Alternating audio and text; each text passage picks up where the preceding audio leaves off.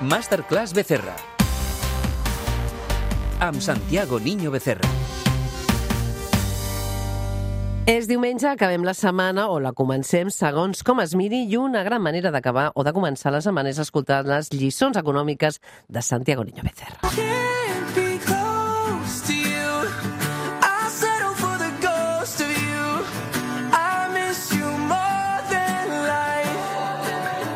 Santiago, què tal? Bona nit, com estàs? Benvingut.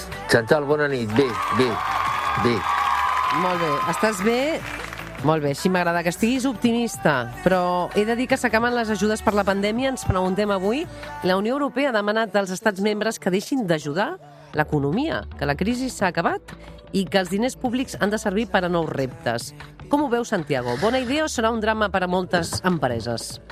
Bueno, és que, a veure, és que això és lògic, Chantal. Eh, i abans, de, abans de que arribés el virus, eh, i segur que tu coneixes alguna, com pràcticament tothom coneix sí. alguna, hi havia empreses que anàvem a, amb el que jo dic una sabata i una espardenya. És a dir, anaven mm, sobrevisquent, però amb un, amb un panorama molt, molt heterogeni. No, no pagaven aquí, pagaven demà, eh, demanaven no sé què... És, és a dir, anaven i, i, I al final eren empreses que amb una vi viabilitat molt dubtosa i quan ha arribat el virus se'ls ha posat un nom, empreses zombi.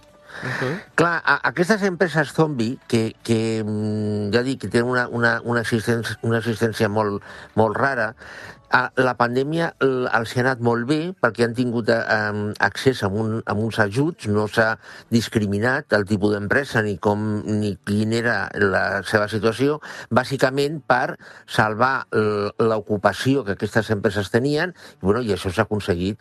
El que passa és que jo crec que amb molt bon criteri la, la Comissió Europea ha dit que bueno, eh, els diners que eh, es tinguin s'han de dedicar a aquelles empreses viables, a aquelles activitats de més valor, és a dir, mirar mm, cap al davant i no cap enrere. I clar, i clar evidentment, Chantal, això tindrà conseqüències. Hi haurà, hi haurà empreses que bueno, faran fallida, evidentment. Aquesta notícia em fa pensar en una altra notícia que em vas enviar l'altre dia amb una simple nota. El titular és brutal, no? És aquest. La pandèmia deixa mig milió més de joves pobres a Espanya. Una dada demolidora. Creus que té aturador? I quines mesures cal emprendre perquè no hi hagi aquest mig milió de joves pobres a Espanya? Santiago. Bueno, aquí, aquí hi ha diverses coses. Mm, En, en primer lloc, eh, molt, molt joves eh, treballen en sectors estacionals, eh, mm, penso en el, en el sector serveis, turisme, hostaleria, restauració, etc etc, eh, per, per temporades, eh, per caps de setmana, eh, i, eh, evidentment, amb un salari mm, baix, amb un salari, mm, vull dir, insuficient. Mm, si a la, si a la vegada eh, hem passat per una situació de, de, de, bueno, de confinament, tancament d'aquests sectors eh, o d'aquestes activitats, clar, això eh, què ha creat? Ha creat una dinàmica realment, vull dir, de, de, de rentes baixes, o sigui, que no ha posat en marxa una, una capacitat d'ingressos per part d'aquest aquest jovent. Mm, a la vegada, mm, la tassa de temporalitat a Espanya, la, la darrera, eh, llisca el 27%. Mm, Bàsicament, la temporalitat està centrada en el jovent, mm, una altra vegada. I, I, per altra banda, la contractació a temps parcial ta Mhm. també. Mm, si tenint en compte que molts joves han emigrat al, al, a l'exterior, clar, resoldre aquest problema és molt complicat, Chantal, perquè s'ha de crear demanda de treball per part d'empreses, organismes mm, eh, públics o Sí. privats per absorbir aquesta oferta. És, és, realment és molt complicat, molt, molt complicat.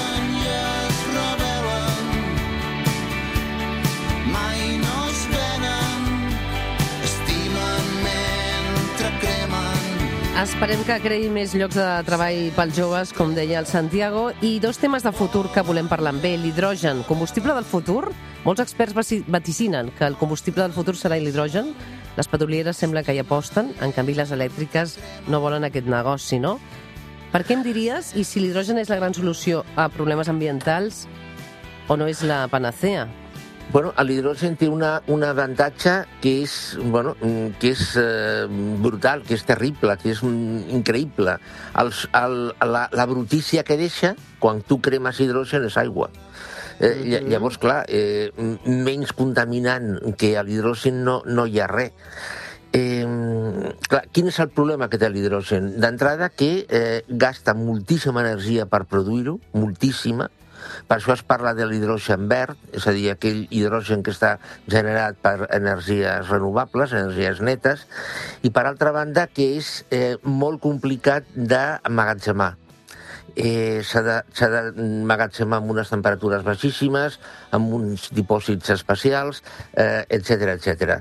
Clar, les elèctriques no estan interessades, bueno, doncs, mm, perquè ell, ell, les elèctriques ja, ja està bé amb el seu negoci que és eh, produir i eh, eh, subministrar energia elèctrica. És a dir, mm, les elèctriques no han de substituir eh, l'electricitat que produeixen amb, una, amb un altre element que també genera energia. Amb les elèctriques ja els hi està bé, cosa que no els hi passa a les petroleres. És a dir, les petroleres sí que estan molt interessades en l'hidrogen per substituir mm, la, la, a, la, seva, la, bueno, a la seva base de negoci, combustibles, eh, ga- benzina, gasoil, etc etc que són contaminants, que deixen empremta de carboni, etc etc, per mm, una energia mm, infinitament més neta com, com és l'hidrogen. Eh, bueno, ara, de tota manera, mm, torno a dir, eh, l'hidrogen té un problema tècnic molt important, realment molt, molt important. Per tant, eh, l'hidrogen, es parlava molt de l'hidrogen amb el canvi climàtic, però també la seva posada a la pràctica no és fàcil, no? Té una No. llarga llista de reptes per la seva implantació real i eficaç, com ens explicava el Santiago. I un altre tema que també segur que interessa als oients, l'alimentació del futur. Ara està d'actualitat el debat sobre la qualitat de la carn, però i aquí va més enllà. La ciència comença a plantejar seriosament fabricar carn sense haver de sacrificar animals, és a dir, mm, crear carn al laboratori. El problema és que eh, és un procés car, si no ja ho tindríem també als supermercats, en, ens preguntem, no? Què en penses també de...